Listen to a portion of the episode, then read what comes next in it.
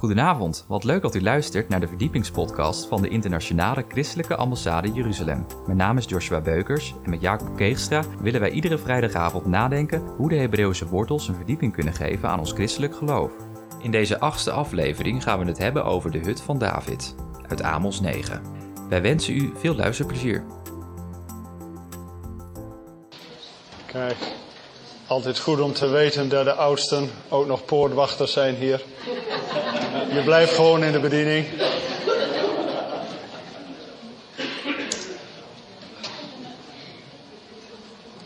Mensen, het is goed om hier weer te zijn. Voor mij is het uh, natuurlijk weer veel te lang geleden dat ik hier was. Eerst een woord van bemoediging aan de Shores groep. Ik spreek wel eens voor gemeentes op zondag die een stuk kleiner zijn dan wat hier vanavond bijeen is. Dus ga rustig verder. Mensen, het onderwerp voor vanavond: herstel van de vervallen hut van David. Misschien hebt u daar nog nooit van gehoord. Van die hut van David. Laat staan dat hij vervallen was. En dat er nou ook nog herstel is van die vervallen hut van David. Mensen, ik werd al bemoedigd door de zang. Het eerste lied van Lofprijs draait namelijk allemaal om die hut van David. Dat is wat die koning David vernieuwd heeft. In de dienst naar God, dat hij de lofprijs instelde. En die was daar niet krenterig in. Want hij sponsorde 120 man die dag en nacht de Heer gingen loven en prijzen. Ja toch? En door lofprijs baan ik de weg dat gij. Amen. En wie is heil? Sommigen heten ook heil. Amen. Mensen, vorig jaar zult u vast uh, meegemaakt hebben dat er veel discussie was over de schepping. Schepping of evolutie, of uh, je kent dat hele gebeuren wel. Geheid dat de volgende discussie gaat niet over het begin, maar over het eind. Maar als christenen duidelijk zeggen dat er een duidelijk beginpunt is, waar natuurlijk discussie over is in de wereld, geheid dat straks de volgende grote uitdaging wordt, de discussie over de eindtijd. Want wie zijn die christenen nou dat ze het over een eindtijd hebben? Dan gaat die mooie, maakbare wereld die uh, me lekker in de greep heeft, er komt, uh, er komt een einde aan. Nou, Jezus zegt in de eindtijdreden, Matthäus 24, let op twee dingen. Het evangelie zal de hele wereld overgaan. En dat gaat nu heel rap hoor, met uh, satelliet en met alles.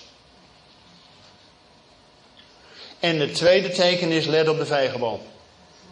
Nou, die is al behoorlijk bezig om uit te botten. Daaraan weet gij dat de zomer nabij is, zegt Jezus. Hè? Dus geen verhaaltjes van mij, maar dit is wat de Heer ook zegt. Alleen dan wil ik met u gaan naar het Bijbelboek Handelingen. Ik hoop dat u een Bijbel hebt meegenomen. Want wat heeft Jezus natuurlijk met die hut van David te maken? Nou, dat zal natuurlijk pas aan het eind uh, bekend worden. Het is een traditionele lezing. Eerst over het eerste verbond, dan over het nieuwe verbond en dan natuurlijk de toepassing voor ons. Kijk, als Jezus hier op aarde zijn werk heeft volbracht aan Golgotha, daarvoor kwam hij.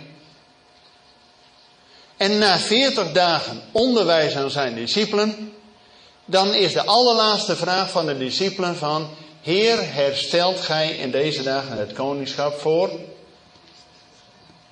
Alsmeer? Israël. En Jezus zegt niet, nou ben ik 3,5 juli, ja jullie aan het onderwijzen, nou nog weer 40 dagen en dan hebben jullie deze vraag. Nee, dit is natuurlijk wel de vraag waarop het aankomt. Hè? Alleen Jezus zegt, de tijden zijn aan God. Maar gij zult kracht ontvangen wanneer de Heilige Geest over u komt en gij zult mijn getuigen zijn. Dan moet je opletten wat daar staat. Gij zult mijn getuigen zijn te Jeruzalem en te Judea Samaria en tot het uiterste der aarde. Weet u dat dat woordje en altijd als een komma gelezen wordt? Van eerst in Jeruzalem, vervolgens Judea Samaria, toen Europa en dan weet ik wat, en nu tot de uitersten der aarde. Met andere woorden, als wij een zendingsgerichte gemeente zijn, collecteren we naar hartelust iedere maand voor de zending. Maar twee derde van de zending, zegt deze tekst, zou wel eens naar Israël moeten gaan. Want hier staat heel duidelijk, gij zult mijn getuigen zijn te Jeruzalem. En te Judea Samaria. En tot het uiterste der aarde. Ja, dus opdracht als je volgende keer een zendingscollecte houdt, om deze tekst erbij te doen. Ja. Maar goed, dat was handelingen 1. En dan in handelingen 2 komt die kracht, hè? Pinksteren. Was al geprofiteerd in Joël. En nou komt hij. Handelingen 3. De hemel moest Jezus opnemen tot de tijd der wederoprichting alle dingen. Met andere woorden, Jezus moest naar de hemel gaan. Totdat wat gebeurt hier op de aarde? De oprichting van alle dingen. Nou, dat heeft alles met die vervallen hut van David te maken. Zullen we zo zien. U kent misschien die gelijkenis van die um, heer die op weg gaat naar een ver land om zijn koninklijke waardigheid in ontvangst te nemen. Je kent die misschien. En wanneer komt de Heer nou weer? Als hij zijn koninklijke waardigheid van de allerhoogste autoriteit ontvangen heeft. Zou dat iets met Jezus te maken kunnen hebben? Dat hij als Heer op weg ging naar de allerhoogste autoriteit. Om daar die koninklijke waardigheid in ontvangst te nemen. En dat hij dan als koning weerkomt. Laten we eens gaan kijken. Kijk. Dan eh, zijn we inmiddels al eh, een paar hoofdstukken verder in handelingen. In handelingen 15. Nou komt hij. Nou hebben die discipelen kracht ontvangen door de Heilige Geest. Zijn uh, gaan getuigen. Eerst Jeruzalem, dat is de eerste gemeente. En dan Judea en Samaria. Filippus die ging tot Samaria. En dan Paulus en Barnabas gaan nog even verder. En dan heb je een probleem. Want er zijn de mensen die tot geloof komen. En met name na handelingen 10 de eerste niet-Jood. Kijk, dat die eerste negen hoofdstukken, dat er Joden tot geloof komen. En bij de gemeente komen, dat was allemaal nog wel te doen. Maar vanaf handelingen 10 komt er een heiden, Cornelius, komt tot geloof. En dan komt er nog meer. En dan heb je een probleem. Wat mooier daar nou mee? En dan houden ze in Jeruzalem de eerste kerkelijke vergadering. Handelingen 15. Leest u met mij mee. En er staat Handelingen 15 vanaf vers 13. Dan heeft eerst Petrus verteld dat hij helemaal niet wou. Hij had helemaal geen zin om naar, naar Cornelius te gaan. Man, is een Romein. Is nog een hoofdman ook. En die eet niet eens koosje. Dus ik niet. God moet drie keer dat kleed, hè? Peter, sta op, slag nee. Nou, hij wil niet. Maar na drie keer denk je, nou, vooruit. En dan doet hij bij Cornelius nog maar net de mond open en de Heilige Geest valt erbij en wauw, allemaal gedoopt. Nou, dan kan Petrus niet anders zeggen van, wauw. Wauw niet. Maar ja, de Heilige Geest heeft me overtuigd. Ja? Nou, en, nou, en dat vertelt hij hier in Handelingen 15. We horen we eens even inleiding, dan weet u dat Handelingen 15. En dan vanaf vers 13, waar staat. En dan heeft dus uh, uh, Petrus eerste verhaal gedaan, dan Paulus en Barnabas. En dan vers 13. En na deze zwegen antwoordde Jacobus. Jacobus is de halfbroer van Jezus. De eerste oudste van Jeruzalem. Dus het hoofd. Die zegt, mannen, broeders, Shema. Shema kent u, hè? Hoort. Wat is dat ook alweer? Shema? Hoort. Natuurlijk, het Shema is hoor Israël. Waarom zegt hij hier nou als eerste hoort? Shema. Het geloof is uit het horen. Met al onze internet en Google en weet ik het wat. Het geloof is uit het horen. Dus hij spreekt het gehoor aan. Hoor. En natuurlijk met die diepere lading van Shema. En hij zegt Simeon. En waarom zegt hij nou Simon? Simeon. Hij had net het over Peters. Simon Peters. Waarom zegt hij nou hier Simeon? Wat betekent Simeon? God hoort. Hey, hoort naar wat God te zeggen heeft, blijkbaar. Als wij naar God willen horen, kan God ook naar ons horen. U kent vast die tekst, Jacobus 5 b nader tot God en hij zal precies hetzelfde in het geloof. Hoort naar God, zodat hij tot u hoort. Nou, oké, dat was even een tussenstapje. Simon heeft verhaald hoe God eerst de heidenen heeft bezocht om hen een volk aan te nemen door zijn naam. En hiermee stemmen overeen de woorden der profeten, gelijk geschreven is: Na deze zal ik weerkeren en weder opbouwen de tabernakel van David, die vervallen is. En hetgeen daarvan verbroken is, weder opbouwen en ik zal dezelfde weer oprichten. Even tot zover. Als theoloog zou ik zeggen, dit is wel een hele vrije toepassing van die profetie uit Amos 9. Want in Amos 9 is die profetie van, ja, daarna zal God weerkeren en hij zal die vervallen hut van David weer oprichten. En nou ineens gaat Jacobus, het hoofd van die gemeente te Jeruzalem, gaat die tekst toepassen dat wanneer de gelovigen uit de heidenen erbij komen, dat dat blijkbaar te maken heeft met het oprichten van die vervallen hut van David. Wauw. Met andere woorden, dat wij als gelovigen uit de heidenen, christenen, erbij komen, heeft alles te maken met dat herstel, het wederoprichting, alle dingen wat nodig is voordat de Heer weer kan komen. Zo.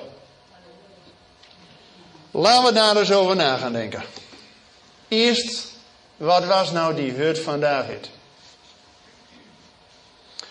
Nou, u weet vast die tabernakel van Mozes.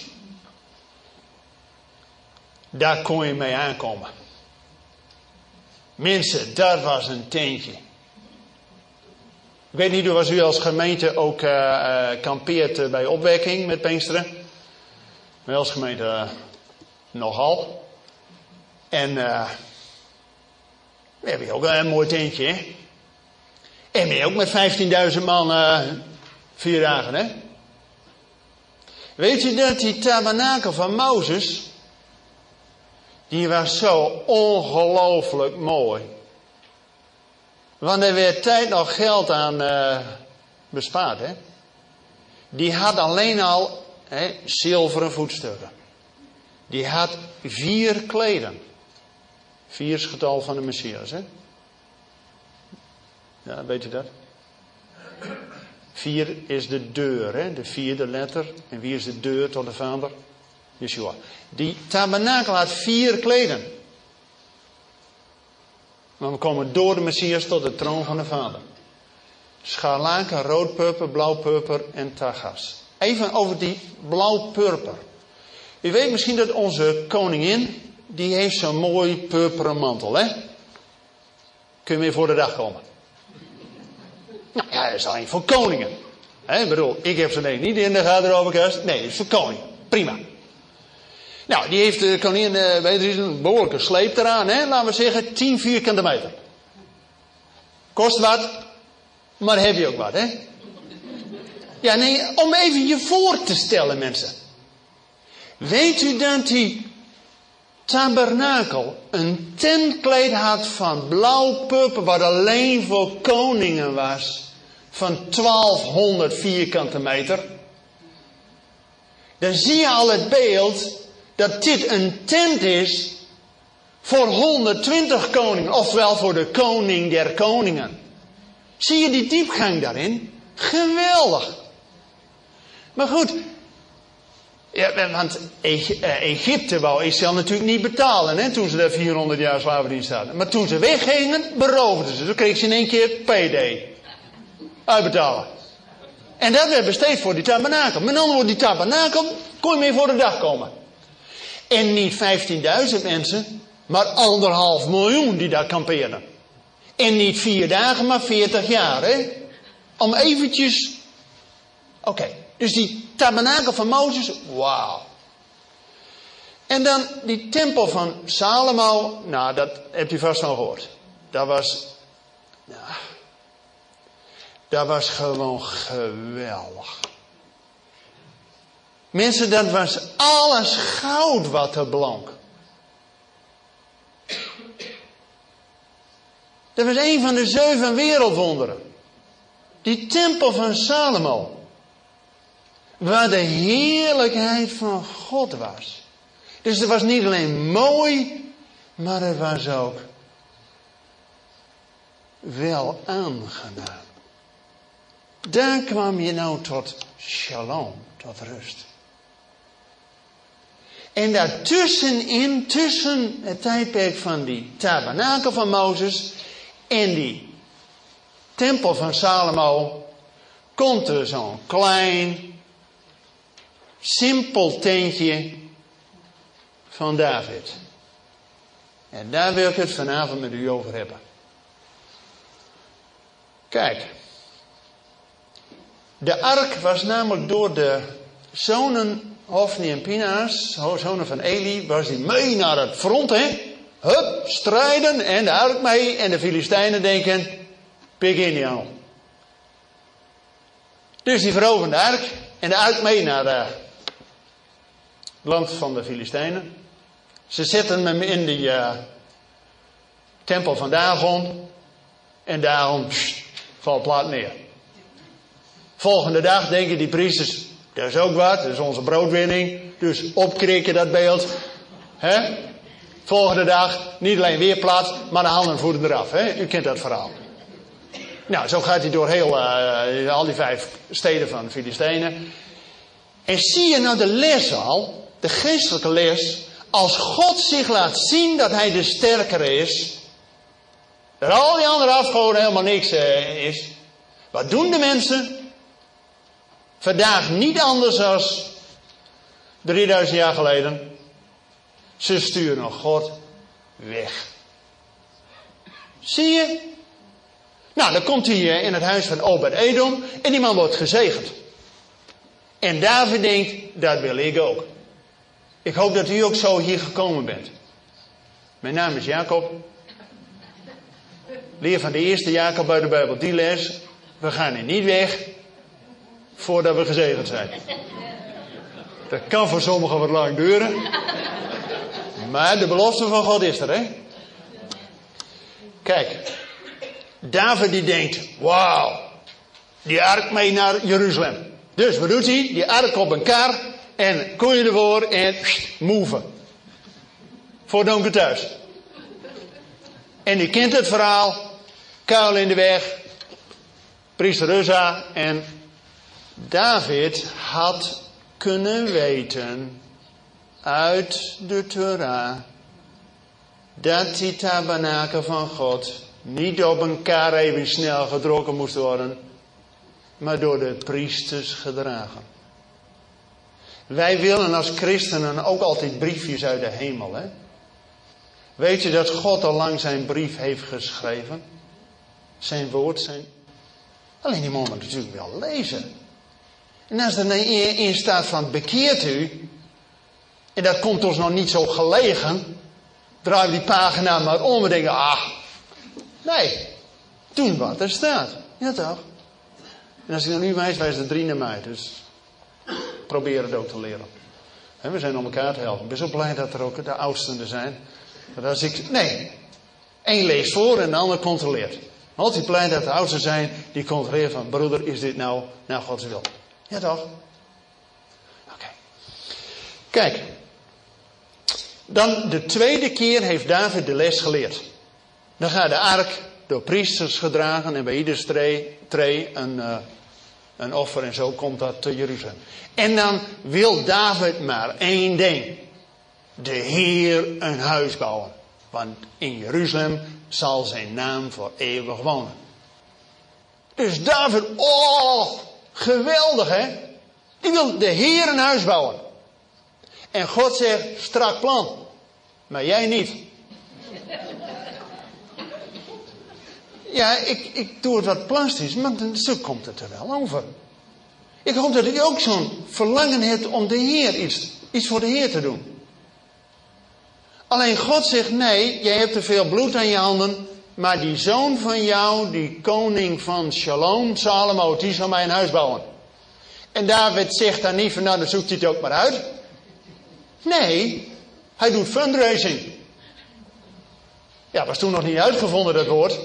Maar hij ging de schatkamers vullen met zoveel goud en alles, zodat die zoon van hem niet meer een platte portemonnee moest beginnen, maar direct kon starten.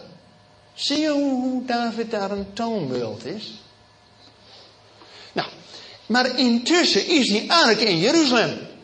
En God zegt, nee, jij bouwt mij hier geen huis. Dus tijdelijk wordt die ark in een eenvoudig tentje in de stad Davids neergezet. En dat heet nou die hut van David, of tent van David. Dat was een heel eenvoudig tentje. Helemaal geen franje, helemaal geen goud, helemaal geen offers. Want die werden nog steeds in Gibea waar die ark stond. Uh, sorry, eh, de, de tabernakel stond gehouden. Maar weet u wat er nou wel was? Kijk, je hoeft niet die hele grote tempel of tabernakel. Maar als die ark er is, is God daar. En die troont op het verzoendeksel. Troon der genade. En hoe komen we tot de Vader? Door genade. Dus als we bij de Vader zijn, dan zal die andere opsmuk wel leuk, maar is niet nodig. Het gaat om herstel met de Vader. Dat is één. En wat David vernieuwde in die dienst tot God, was niet pracht en praal, maar dus, je hoeft niet eens de portemonnee te trekken, maar vanuit je hart. En waar je hart vol van is, stroomt de mond van over, dan ga je zelfs een loflied zingen. Nou, David heeft veel psalmen gecomponeerd om de Heer ook een loflied te geven. Kijk, en laten we nou eens gaan kijken hoe dit verder doorwerkt in de geschiedenis. Kijk, wat ik al zei, hè? de relatie tot God, dat is het centrale. En daar gaat je hart van overstromen. Lofprijs. En David wou God een huis bouwen, maar God zegt: Nee, jij bouwt niet mij een huis, maar ik zal jou een huis bouwen. 2 Samuel 7. En dat is natuurlijk niet alleen een fysiek huis, maar een koningschap. Kijk, want God had al via Mozes beloofd, vlak voordat ze bij het beloofde land waren, wordt de Torah nog één keer samengevat in de tweede wet, ook wel Deuteronomium. En daar staat, Deuteronomium 28, dat wordt drie keer herhaald, dus dan wordt het toch tijd dat we in ieder geval één keer lezen. Israël zal tot een hoofd der volkeren zijn. Weet u dat in de geschiedenis Israël meer tot een voetveeg is geweest? Ik was gisteren bij de herdenking in uh, Westerbork. Mensen, je durft er niet eens naartoe. Tenminste, ik niet. Maar wat kun je zeggen als Nederlander? Je moet je toch aan één keer diep schamen. Het is allemaal zo weggestopt in de bossen daar bij Westerbork. Niemand wist het zogenaamd. En die het wel wist, die keek de andere kant op. Maar ik ging er vandaan, na de hele plechtigheid, met een loflied in mijn hart. Toen dacht ik, toen we ooit deze spreekbeurt hadden afgesproken, was dat helemaal niet zo de, gepland. Maar het is fantastisch om hier over te mogen spreken. Over het herstel van de vervallen hut van David. Dat het dal van Agor wordt tot een deur der hoop. Doet hij het weer? Of, uh... Nou ja. Je weet nooit. Maar het betekent dat God al aan Mozes liet zeggen: Israël zal tot een hoofd der volkeren zijn. Maar dat werd direct al tegengewerkt. Of ik die uh, even pakken? Ja, dat kan ook. Is niet aan. Ja, dank je, alsjeblieft.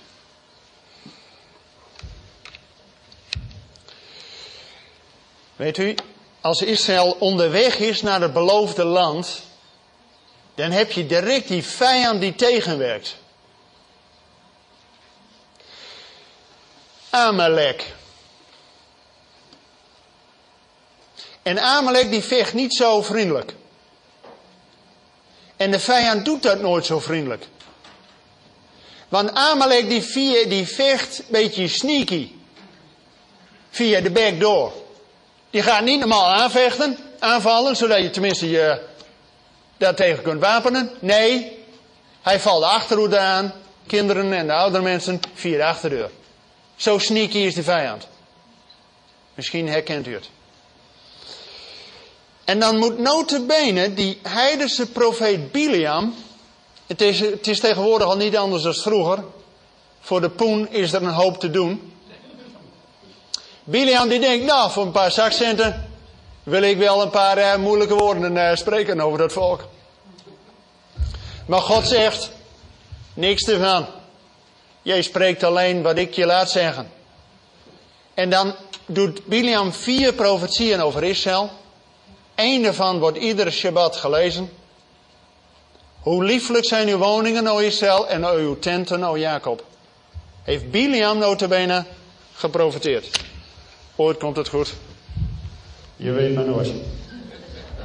Dankjewel.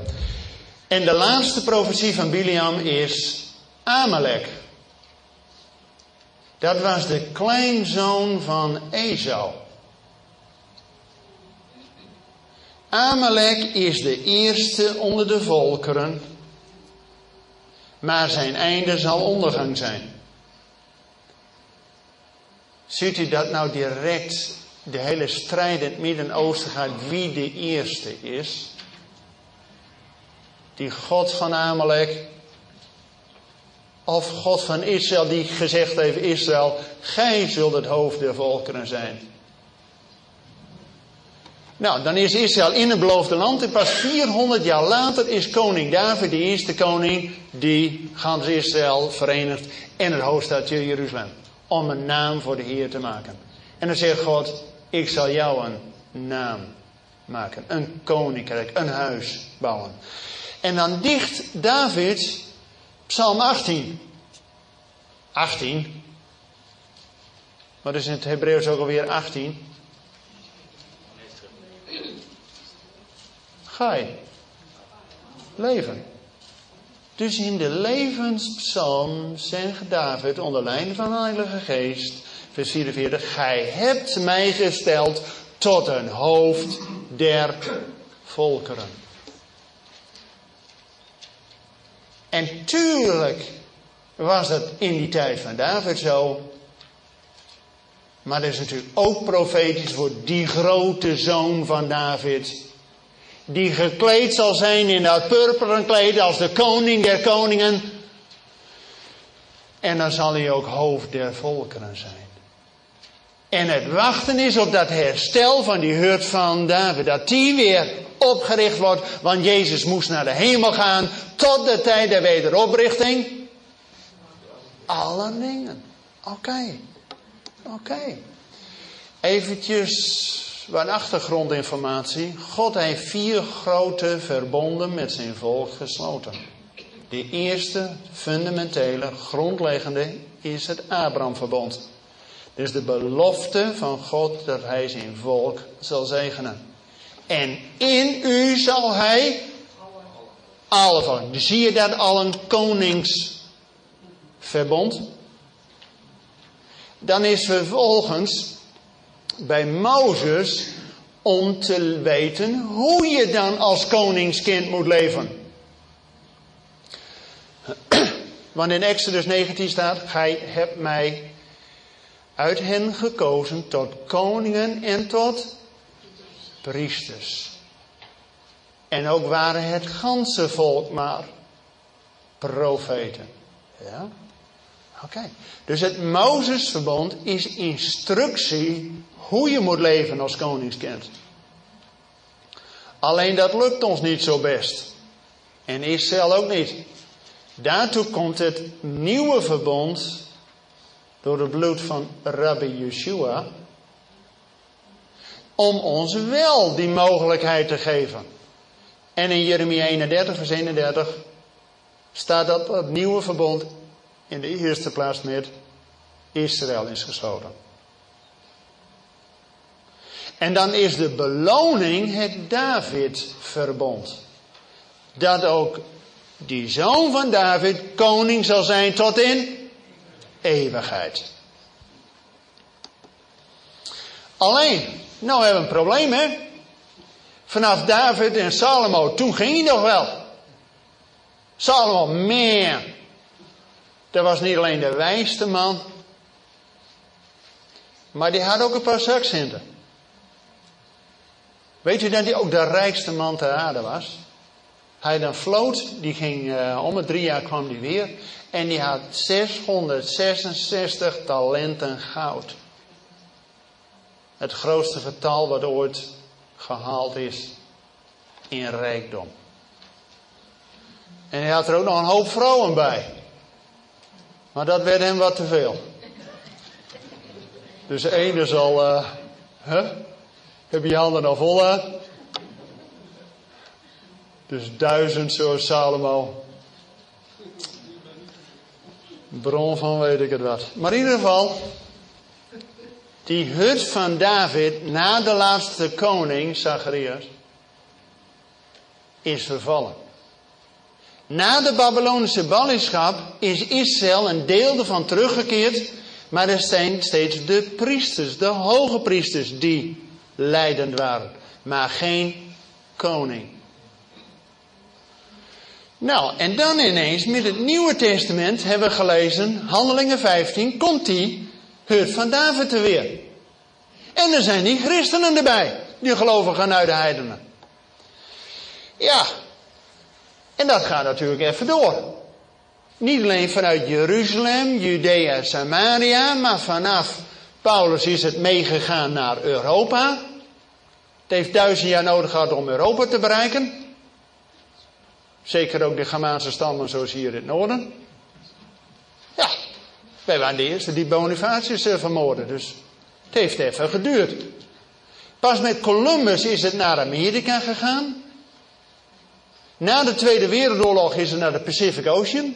Papua Nieuw-Guinea uh, die uh, komt rijden. Nu is China aan de beurt. Wist u dat er al meer dan 130 miljoen christenen in China zijn? En dat die communistische partij slechts 70 miljoen mensen telt. Er zijn al twee keer zoveel christenen daar. Alleen die hebben nog niet de macht. De macht ligt nog bij die communistische partij. Maar dat komt. En straks is India aan de beurt. Nou, waar zijn nu de brandhaarden in de wereld? Afghanistan. Want het evangelie moet er langs. Vandaar dat de christen ook al. Als de vijand weet dat het moeilijk wordt, gaat hij reboelie maken. Nou, dat is nu een hoop reboelie. En wie heeft ook heel veel reboelie? Onze grote vriend dat. Wist u dat twee dagen geleden in de Duitse krant De Spiegel een gigantisch groot artikel over de dreiging van Iran is? Maar in Nederland wordt alles gezwegen. De media has its own message. Hè?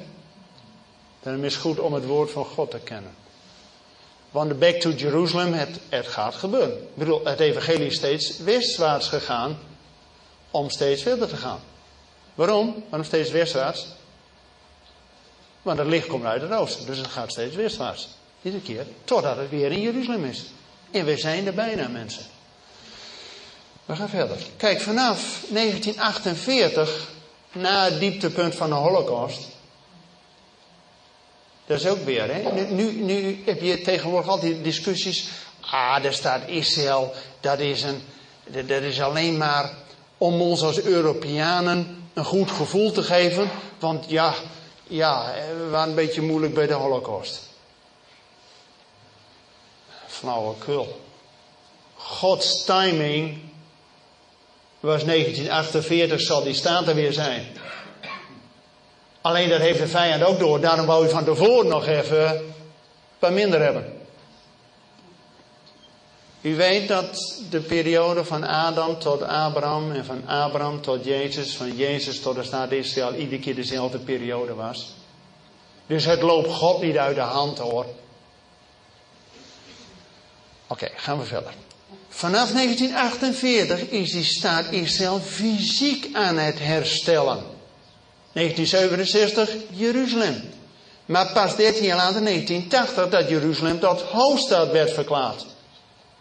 Direct Arafat Rebouli in de VN en uh, eh, 13 landen hebben hun ambassades weggehaald. De dertiende rij was Nederland. Maar er zijn christenen op het Loofhuttenfeest in 1980 in Jeruzalem. Dat kunnen onze landen wel doen. Maar wij vertegenwoordigen ook wat. Wij gaan een internationale christelijke ambassade in Jeruzalem stichten. En een van de grote dingen is om de lofprijs gaande te houden. Door het Loofhuttenfeest samen met die christenen. En afgelopen jaar met 5000 mensen. En uh, het jaar daarvoor, 60 eh, jaar is dan met 8000 christenen. Om die vervallen hut van David te laten zien dat we samen met Israël de lofprijs hebben. Want wat willen wij als christen? Dat Israël niet alleen fysiek herstelt, maar vooral geestelijk herstelt. En dat komt. En God is al lang bezig om daarmee te werken. Vandaar ook die tegenstand. Van bepaalde groepen in Israël. Want ja, die uh, hebben ook heel wat bedekking. Maar we hoeven niet te wijzen tegen hun hè, dat zij bedekking hebben. Heeft God erop gelegd. God gaat dat er ook zelf ervan afhalen. Wist u dat wij als christenen een dubbele bedekking hebben? Jesaja 25 zegt dat wij een sluier en een bedekking hebben. Nou, dan is het lastig. Daarom hebben we ook dubbele openbaring nodig. Dat Jezus niet alleen Heer is, maar ook Curios. Oké, en wat wensen wij Israël toe? Herstel in die relatie tot God. En dat hoeft niet met pracht en praal zoals een tabernakel of een tempel, maar eenvoudig het herstel met die troon van genade. Zodat de relatie tot Almachtige hersteld wordt. Mensen, er zijn een paar ontwikkelingen in Israël. En ik ben blij dat er getuigen uh, zijn in de zaal die met me mee waren. Vorig jaar was ik met een groep op het Loofhuttenfeest en voor het eerst gingen wij in de stad Davids. Dat zit daar precies beneden aan die Tempelberg. Waar Hinnomdal en Kidrondal bij elkaar komt. Hé, hey, Kidrondal en Hinnomdal bij elkaar komt. Wauw. Kidrondal, dat is toch die beekrit, die tempelbeek die vanaf de tempel de, zelfs die dode zee tot leven brengt. En Hinnomdal, is dat niet dat Gehenna? Dal van beslissing. Wauw. Daartussen is die stad David. Daar was dus dat tentje van David. En daar is nu die badwater van Siloam weer gevonden. En wat betekent Siloam? Gezondene. Wie is de gezondene? En dat water hadden ze nodig om met het Loofhuttenfeest dat water te storten voor het altaar van de Heer. En een gebed om, och Heer, geef ons Yeshua. In Johannes 7 staat, die Yeshua, Jezus, gaat dan staan en zegt, als gij dorst hebt, kom tot mij en drinken. En een bron van levend water zal uit uw binnenste komen. En dat was niet alleen water, maar hij profiteerde van de geest. Zodat je niet alleen water hebt, maar ook ervan getuigt door de Heilige Geest. Mensen, in Zacharia 12 staan die geweldige beloftes die nu bezig zijn vervuld te worden. Want in Zacharia 12 staat over het huis van. Waar staat? Het huis van En de inwoners van Jeruzalem zal God uitgieten, de geest der. Jezus had in zijn laatste reden. Gij zult mij niet weer zien totdat gij zegt, gezegend hij die komt. En tegen wie zegt Jezus dat? Tegen de inwoners van Jeruzalem. Dus in Zacharia 10 gaat het over die inwoners van Jeruzalem en het huis van David. Want dat is dat koningshuis, wat toch, waar die zoon van David uit moet komen. En daar zal eerst de geest der genade en gebeden overgaan, zodat ze zullen zien wie zij. Kijk, en dan precies één hoofdstuk verder, oh, sorry. In Zachariah 13, er zal een bron ontsloten worden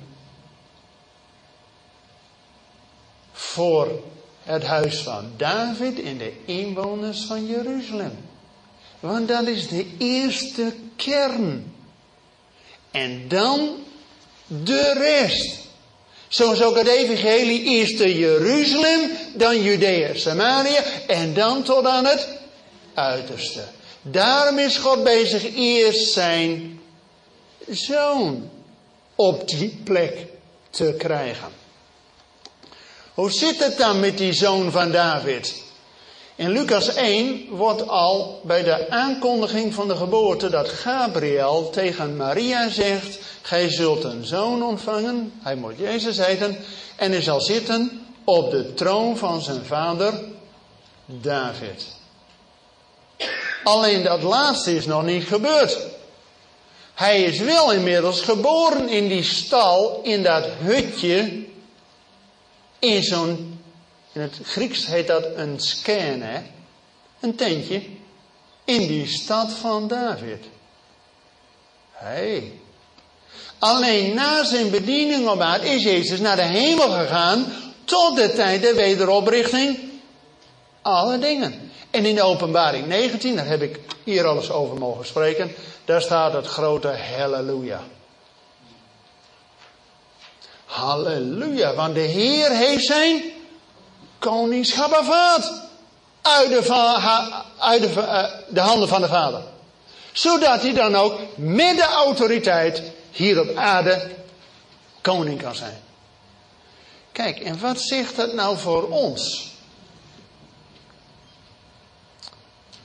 Jacobus, de broer van Jezus, oudste in de gemeente van Jeruzalem, zegt: Wanneer die christenen erbij komen, is al een begin van het herstel van de hut van David. Met andere woorden, de tentpinnen van God worden heel ver. En wat is het laatste hoofdstuk van de Bijbel? Dat de tent van God is bij de mensen. Dat God zijn tent, zijn tabernakel over ons huis brengt. Dat hij bij ons komt tabernakelen. Want het feest van tabernakels, Loofhuttenfeest, is het enige feest wat dag en nacht gevierd wordt. Er komt geen einde aan. Kijk, nou is voor ons natuurlijk het hele Nieuwe Testament, Efeze 2, Colossensen 3 en weet ik er hoeveel teksten, is dat wij als heidenen, eerst zonder de beloften van God, nu door het geloof erbij gekomen zijn.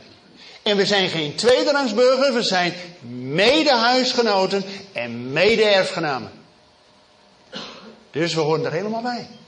En wat wij als taak hebben, dat we ook de loofprijs verder zetten.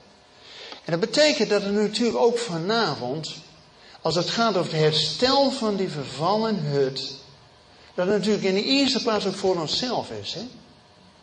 Dat hoe u ook voelt, dat we gaan bidden dat er een herstel mag zijn, dat we bidden dat Jezus zelf dat levende water als een bron uit ons binnenste zal voortbrengen. Zodat we werkelijk de Heer een nieuw lied kunnen brengen. En niet alleen persoonlijk, maar als gemeente. Zodat wij samen met Israël uitzien naar die grote dag. Dat die Jezus weer komt. En daar staat er, kijk, Hebreeën, Hebreeën is het meest Joodse boek van het Nieuwe Testament. We zijn niet genaderd tot de berg Sinaï, wat het woord van Mozes was, maar tot de berg Sion. Want wat staat er in Psalm 2? De volkeren woeden. En het wordt alleen nog maar moeilijker. Maar hij die in de hemel troont, die lacht erom. Maar hij heeft zijn gezalfde over de berg Sion gesteld. Ja. Dus wij zijn genaderd tot de berg tot de levende God. En in Hebreeën 10 staat, laten we toetreden met een waarachtig hart. Wat besprenkeld is, zuiver water. En het hart wat gereinigd is door de Heilige Geest. Mensen, wij hebben dus de mogelijkheid dat we bij die troon van genade komen. Hoe eenvoudig het ook is, dat is het centrale in onze dienst tot God. En dat kan ons juist die vreugde geven om het vol te houden in deze wereld. Want Jezaja 60 zegt, Kumiori. Sta op, word verlicht, van de heerlijkheid des Heren gaat over u op. Maar duisternis zal over de aarde komen. En die Ayamahine dat, die heeft er zelfs een atoombom voor over om Israël een kopje kleiner te maken. Er kan nog een hoop duisternis komen in de wereld. Maar over u zal zijn licht opgaan. En de heerlijkheid des Heeren over u gezien worden. Zelfs koningen zullen opgaan naar uw machtige opgang. Wat is opgang? Alia. Wauw. Bedankt voor het luisteren naar deze verdiepingspodcast van de ICEJ. Waardeert u onze podcast? Steun ons dan met een donatie, abonneer u of deel deze podcast met uw vrienden of familie. Ga naar www.icej.nl. Volgende week gaan we luisteren naar de principes van God uit Genesis. Hartelijk dank voor het luisteren en tot volgende week.